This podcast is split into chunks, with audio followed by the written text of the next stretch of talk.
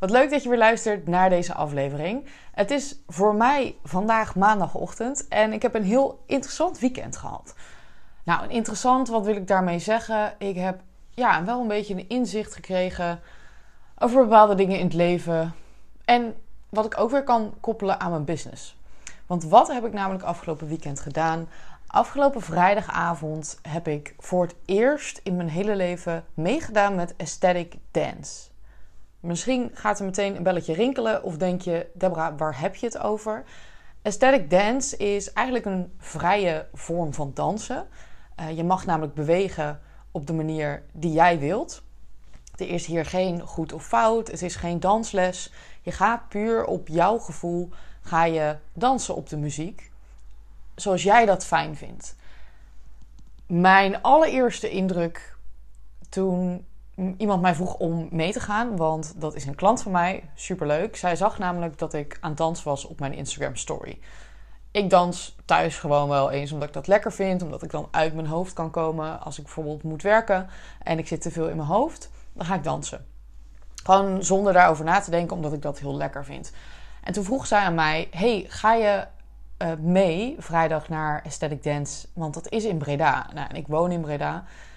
En ik voelde meteen een weerstand. Ik dacht, um, ja, want voor mij voelde dat echt een beetje, no offense, hippie aan. Dan moet ik daar een beetje gaan staan met mijn ogen dicht en uh, gaan dansen terwijl er allemaal mensen zijn. Nou, ik, ik vond het heel heftig. Maar ik zei toch ja. En dat deed ik heel bewust, omdat ik echt even weer uit mijn comfortzone wilde gaan. En ik dacht, ja, weet je, wat heb ik te verliezen? Ik moet het gewoon een keer gaan proberen. En toen ik namelijk in maart in Bali was, toen heb ik het ook bijna gedaan, maar toch niet. Dus ik had eigenlijk te weinig push om het uiteindelijk te doen. En soms heb ik even iemand nodig die me dan daarin meeneemt. Um, zodat ik het niet alleen hoef te doen. Zodat ik niet zelf die drempel over moet en dan ja, in, in mijn eentje naar zo'n event moet gaan. Um, dus ik had ja gezegd. En ik merkte al een paar dagen van tevoren dat ik ja, toch wel een beetje zenuwachtig was. Ik dacht, ik weet echt niet wat ik moet verwachten. Um, nou ja, ik ben sowieso wel iemand die ja, soms ook wel oplet van... hey, uh, als er iemand naar me kijkt, heb ik iets raars aan of doe ik iets raars? Als ik op de dansvloer sta in de kroeg, dan ja, daar ook wel redelijk uh, uh, dat ik dat heb af en toe. Niet altijd. Maar goed, en ik dacht ook, het is ook nuchter, want ja, het is niet dat je daar lekker drankjes gaat drinken als je daar aan het dansen bent. Nee, je staat daar gewoon nuchter. Um, Oké, heb van tevoren wel twee biertjes op en een cocktail. Maar goed, ik was niet uh, dronken of zo. En toen kwam ik daar en we kwamen binnen. En het was al een beetje een, shabby ingang. Dus ik dacht al van, oké, nou ja. Ik uh, ga proberen er gewoon zo open-minded in te gaan. En we kwamen binnen en mensen waren al aan het dansen. En het was ook best wel druk. Ik denk dat er echt wel een stuk of dertig mensen waren. Alle leeftijden, wat ik eigenlijk ook niet had verwacht. Uh, ik denk dat misschien ik de jongste was. Nou, ik denk 26 of zo. Dat de jongste waren. En uh, de oudste waren denk ik 60, 65. Geen idee. Dus het waren echt alle leeftijden. Nou, dat vond ik ook wel wel fijn. Dat het dus ook wat meer mijn leeftijd was. En eigenlijk direct met Odette. Odette was dus mee. Um, gingen we die dansvloer op. Op je blote voeten. En ja, ik kon er eigenlijk heel makkelijk in komen. Wat ik niet had verwacht. Uh, het ging heel soepel. Ik had eigenlijk binnen vijf minuten ook geen schaamte meer. En ik dacht echt, hé, hey, maar iedereen doet hier hetzelfde. Iedereen is met zichzelf bezig. Iedereen is open-minded. Niemand kijkt naar jou op een manier van, huh, wat ben je aan het doen? Omdat we allemaal hetzelfde waren. En dat was meteen eigenlijk een soort van last die er van mijn schouders afviel. Ik dacht, oh, niemand veroordeelt mij hier. Wat heel fijn was. En nou, het duurde uiteindelijk 2,5 uur. Na ongeveer twee uur kon ik echt niet meer. En het was heel interessant wat er gebeurde in die twee uur. Want eigenlijk die muziek die ging een beetje van up naar down. Dus het was echt met een opbouw en daarna ging het weer wat rustiger. En daarin kwamen zoveel emoties vrij wat ik niet had verwacht. En ik merkte dat ik daar echt eerst in de weerstand ging. In het begin was ik super vrolijk, voelde ik echt mega veel energie en ging ik ook echt helemaal los. Um, dat voelde echt top. Echt alsof ik soort in een trance zat. En ik was ook high van mijn eigen energie. het was zo'n fijn gevoel dat ik gewoon helemaal los kon laten en uit mijn hoofd kon gaan. Uh, nergens meer over na hoefde te denken. Echt een soort ontlading van ja, alle dingen die je in je dagelijks leven doet. Je hebt geen telefoon, niks. Je bent alleen maar met jezelf en met de muziek. Dus dat was heel positief wat ik voelde. En naarmate ik langer aan het dansen was, kwamen natuurlijk ook andere soorten muziek. En op een gegeven moment merkte ik dat ik uh, er een beetje uit was. Want ik moest echt even rust nemen. Het was er ook bloedheet. Uh, dus ik moest heel even wat drinken. En ik merkte dat ik dan echt mezelf wel weer erin moest slepen. Omdat ik dan geen zin meer had. Ik zat dan op de bank en dan dacht ik, ja, ik ben eruit. Dus ik moest mezelf elke keer weer opnieuw die dansvloer opkrijgen. En dan ging het weer goed. Maar na verloop van tijd, iedereen werd ook uitbundiger. En uh, begonnen mensen ook echt te schreeuwen, mee te schreeuwen en te joelen. En geluiden te maken op de muziek. Want je mag niet praten, maar je mag wel geluid maken. En ik merkte dat ik echt mega gefrustreerd was. Dat ik echt dacht van, hou je bek. Weet je, ik zat zo in mijn eigen trance dat ik dacht, ik heb hier helemaal... Ik wil niet dat je geluid maakt, want dan ben ik de hele tijd bam uit mijn vibe. En die frustratie, die vond ik heel erg moeilijk. Ik kon daar niet zo goed mee omgaan. En ik merkte dat ik daardoor ook niet zo veel meer wilde dansen. Dat ik wat meer stil ging staan. Omdat ik heel erg in mijn hoofd zat weer. Dus van die frustratie. Dat ik ook merkte, waarom lukt het nou niet? Vond ik heel irritant. En daarna kwam er een nummer wat heel langzaam was. En het had bepaalde tonen. Ja, ik ga het ook niet aan je uitleggen, want het is heel moeilijk. En ik voelde echt die tranen opkomen. En ik wilde niet. Ik wilde niet huilen, wat er altijd bij mij gebeurt. Van ja, ik wil niet huilen. Waarom moet ik nou huilen? Ik wist het ook niet echt. En ik ging op de bank zitten. Toen ben ik weer gaan staan. Dan ben ik weer op de bank gaan zitten. Dan ben ik weer gaan staan. Een hele tijd maar dat gevoel om je tranen tegen te houden. Dat ken je misschien wel. En op een gegeven moment heb ik het gewoon losgelaten. Ik heb gewoon een kwartier lang staan dansen, huilend. Ik wist niet zo goed waarom, maar het was een soort ontlading die eruit kwam. En ook al een soort van liefde voor mezelf. Dat, dat ik niet de hele tijd hoef af te wijzen dat ik aan het huilen ben. Dat dat oké is, dat dat er mag zijn en dat je de emotie los mag laten. Dus dat was heel mooi, dat ik al die soorten emoties voelde. En dat ik er ook heel makkelijk in principe bij kon komen, wat ik niet had verwacht. Maar goed, daarna was ik er ook wel echt helemaal klaar mee, moet ik zeggen. Ik was echt op en ik kon niet meer. Um, ja, dat was heel interessant. Ik had ook echt daarna, ik was ook helemaal klaar en ik had het gevoel dat ik een joint had gerookt, wat helemaal niet zo was. En de volgende dag, afgelopen zaterdag, toen ging ik weer dansen. Maar toen ging ik naar een festival toe. Dus ik ging met een vriendin in de buurt hier naar een festival. Totaal anders natuurlijk.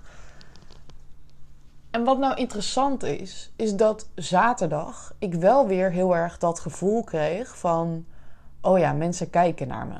Mensen beoordelen mij. Terwijl ik dat vrijdag helemaal niet had. En dat er dan toch een soort van ergens een rem op zit. En je toch weer meer in je hoofd gaat zitten. Alleen maar doordat jij denkt: oh, andere mensen hebben een oordeel op mij. Dus wat ik weer opnieuw heb gezien afgelopen weekend is dat het ook maar net is met wie jij je omringt. En dat het zo je eigen mindset is. Want die zaterdag, ik ging dus naar het festival. En in het begin voelde ik me een beetje ongemakkelijk.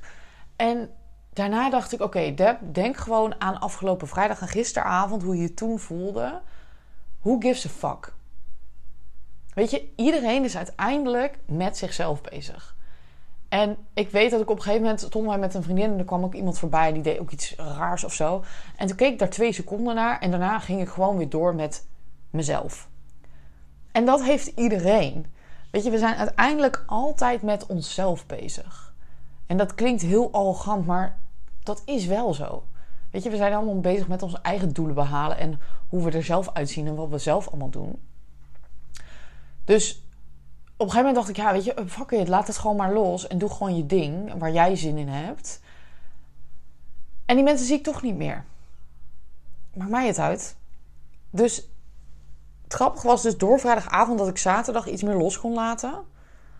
En dat ik dus meer rust had daarin. En ja, ook niet meer echt ging dansen omdat ik dacht, oh, dat ziet er dan leuk uit. Maar omdat ik er gewoon zin in heb om zo te bewegen.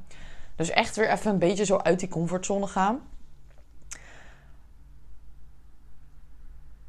En wat ik nog meer heb geleerd uit die vrijdagavond, dat het ook oké is om te zeggen: hey, weet je, ik heb het geprobeerd, maar ja, ik, ik, ik wil niet meer of het lukt me niet of wat dan ook. En dat het dan ook geen falen is. Want op een gegeven moment zat ik ook een beetje tegen het moment aan dat ik dus tegen Odette moest zeggen dat ik eigenlijk naar huis wilde of in ieder geval daar weg wilde. En dat vond ik heel moeilijk. Want toen kwam weer het stukje van: oh, maar dan heb je gefaald en dat is lullig, want ze heeft je meegenomen. Dus je moet tot het einde blijven.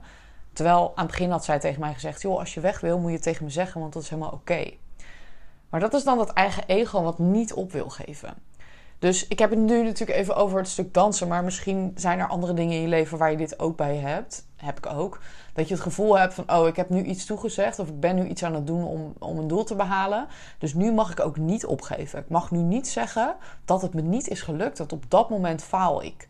Maar weet je, ik denk dat het veel meer gaat om dat je überhaupt de moed hebt om iets te gaan doen waar je misschien wel heel erg slecht in bent. Van tevoren weet je namelijk niet of je er goed in gaat zijn. Want als je die garantie hebt, dan is het heel makkelijk. Dan zit er geen angst meer achter. Natuurlijk ga je het dan doen, want je weet, daar ben ik goed in. Jouw hoofd wil eigenlijk alleen maar pijn vermijden. Het gaat veel meer om de moed hebben om ergens ook slecht in te zijn. Hetzelfde in het stukje reizen. De eerste paar dagen zit ik altijd te janken en dan ben ik er dus ook niet goed in. En ook al zeg ik dan op dat moment, weet je, ik ga naar huis en ik ben er klaar mee. En ik accepteer dat ik er misschien niet goed in ben, heb ik er toch van geleerd. Want die groei zit niet alleen maar in dat je succesvol bent in hetgene wat je gaat doen. Nee, groei zit juist in dat eerste stuk. Dat eerste stuk van het moment dat je iets gaat doen wat je spannend vindt, daar zit heel veel groei. En dat heb ik echt pas geleerd door heel veel dingen te gaan doen. En uiteindelijk dus ook mijn ego opzij zetten van... Hé hey Deborah, oké, je gaat nu niet... Het ligt niet aan opgeven. Nee, je hebt het geprobeerd. En alle lessen die je er nu uit hebt gehaald, dat is goed. Dat is voldoende.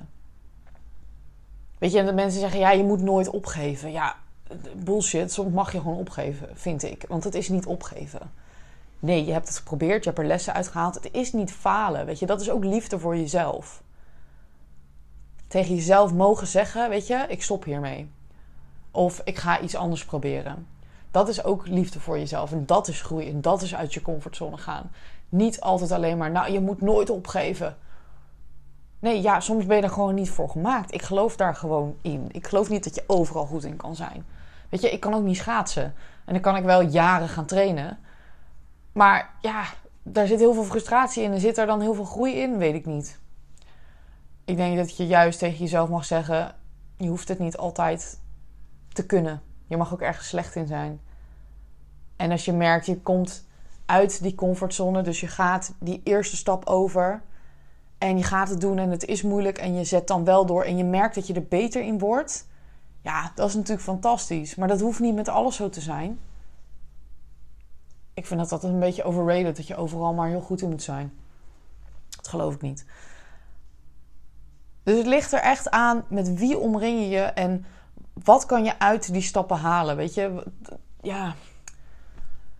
Het gaat een beetje naar van links naar rechts hoor, ik snap het. Maar zo voelt het voor mij ook van afgelopen weekend. Dat echt liefde voor mezelf is geweest door te zeggen: hé, hey, ik wil naar huis. En van de 2,5 uur ben ik er 2 uur geweest. Ik heb het geprobeerd, ik heb er heel veel uitgehaald. Ga ik het nog een keer doen? Ja, misschien wel, maar dan niet zo lang. Of ja, ga het wel weer een keer proberen en dan kijk ik wel weer wat er gebeurt. Maar op dat moment voelt het heel even als een soort stukje falen. Van oh, nou geef je op. Maar waarom kunnen we dan ook niet trots zijn op onszelf? Want je bent alweer een ander mens dan gisteren. Je bent alweer een ander mens dan vorig jaar. Vijf jaar geleden had ik dit nooit gedaan. Echt never nooit. Dus merk je dat iets spannend is en merk je dat je het wilt doen, oké, dat is juist het hele waardevolle moment. Om daar doorheen te gaan, daar groei je van. Dus no, het gaat niet over uh, dansen of over alleen reizen. Het gaat echt over alles in je leven. Of in je business, hè, als ik hem weer even naar business haal. Op het moment dat je bijvoorbeeld moet investeren in iets, of je wil heel graag investeren, maar je vindt het spannend. Op het moment dat je een hele ander aanbod wil gaan maken en je vindt het spannend, of een nieuwe doelgroep. Je moet jezelf laten zien online. Je merkt er zit weerstand. Dat stuk is zo waardevol om doorheen te gaan. De moed hebben om ergens ook slecht in te zijn. Niemand is meteen goed. Niemand is meteen succesvol. Dus accepteer dat het ook oké is om ergens niet goed in te zijn. Accepteer ook om hulp te vragen. je hoeft het ook niet alleen te doen. Liefde voor jezelf. Om te zeggen: hé, hey, oké, dit is het niet voor mij. Is allemaal prima.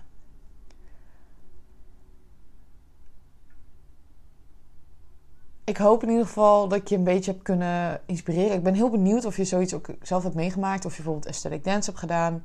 Ehm, ja, toch dat stukje spiritualiteit en ondernemen vind ik interessant. Want ik ben niet heel spiritueel. Ik ben redelijk nuchter. Maar ik vind het wel interessant voor mijn zelfontwikkeling om daarmee bezig te zijn. En om daar toch dingen van te ervaren. Om te kijken hoe dat is. Nou dit was dus ook een stukje daarvan. En de volgende ochtend sprak ik een vriendin van mij en ze zei: Oh, je klinkt echt zo rustig. Toen dacht ik: Oh, dat vind ik wel interessant dat ik rustig klink. Waarschijnlijk omdat al mijn emoties eruit uh, zijn gegaan. Conclusie: liefde voor jezelf. En de moed hebben om ergens slecht in te zijn. Ik denk dat dat de conclusie is van deze aflevering. En daar laat ik het even bij.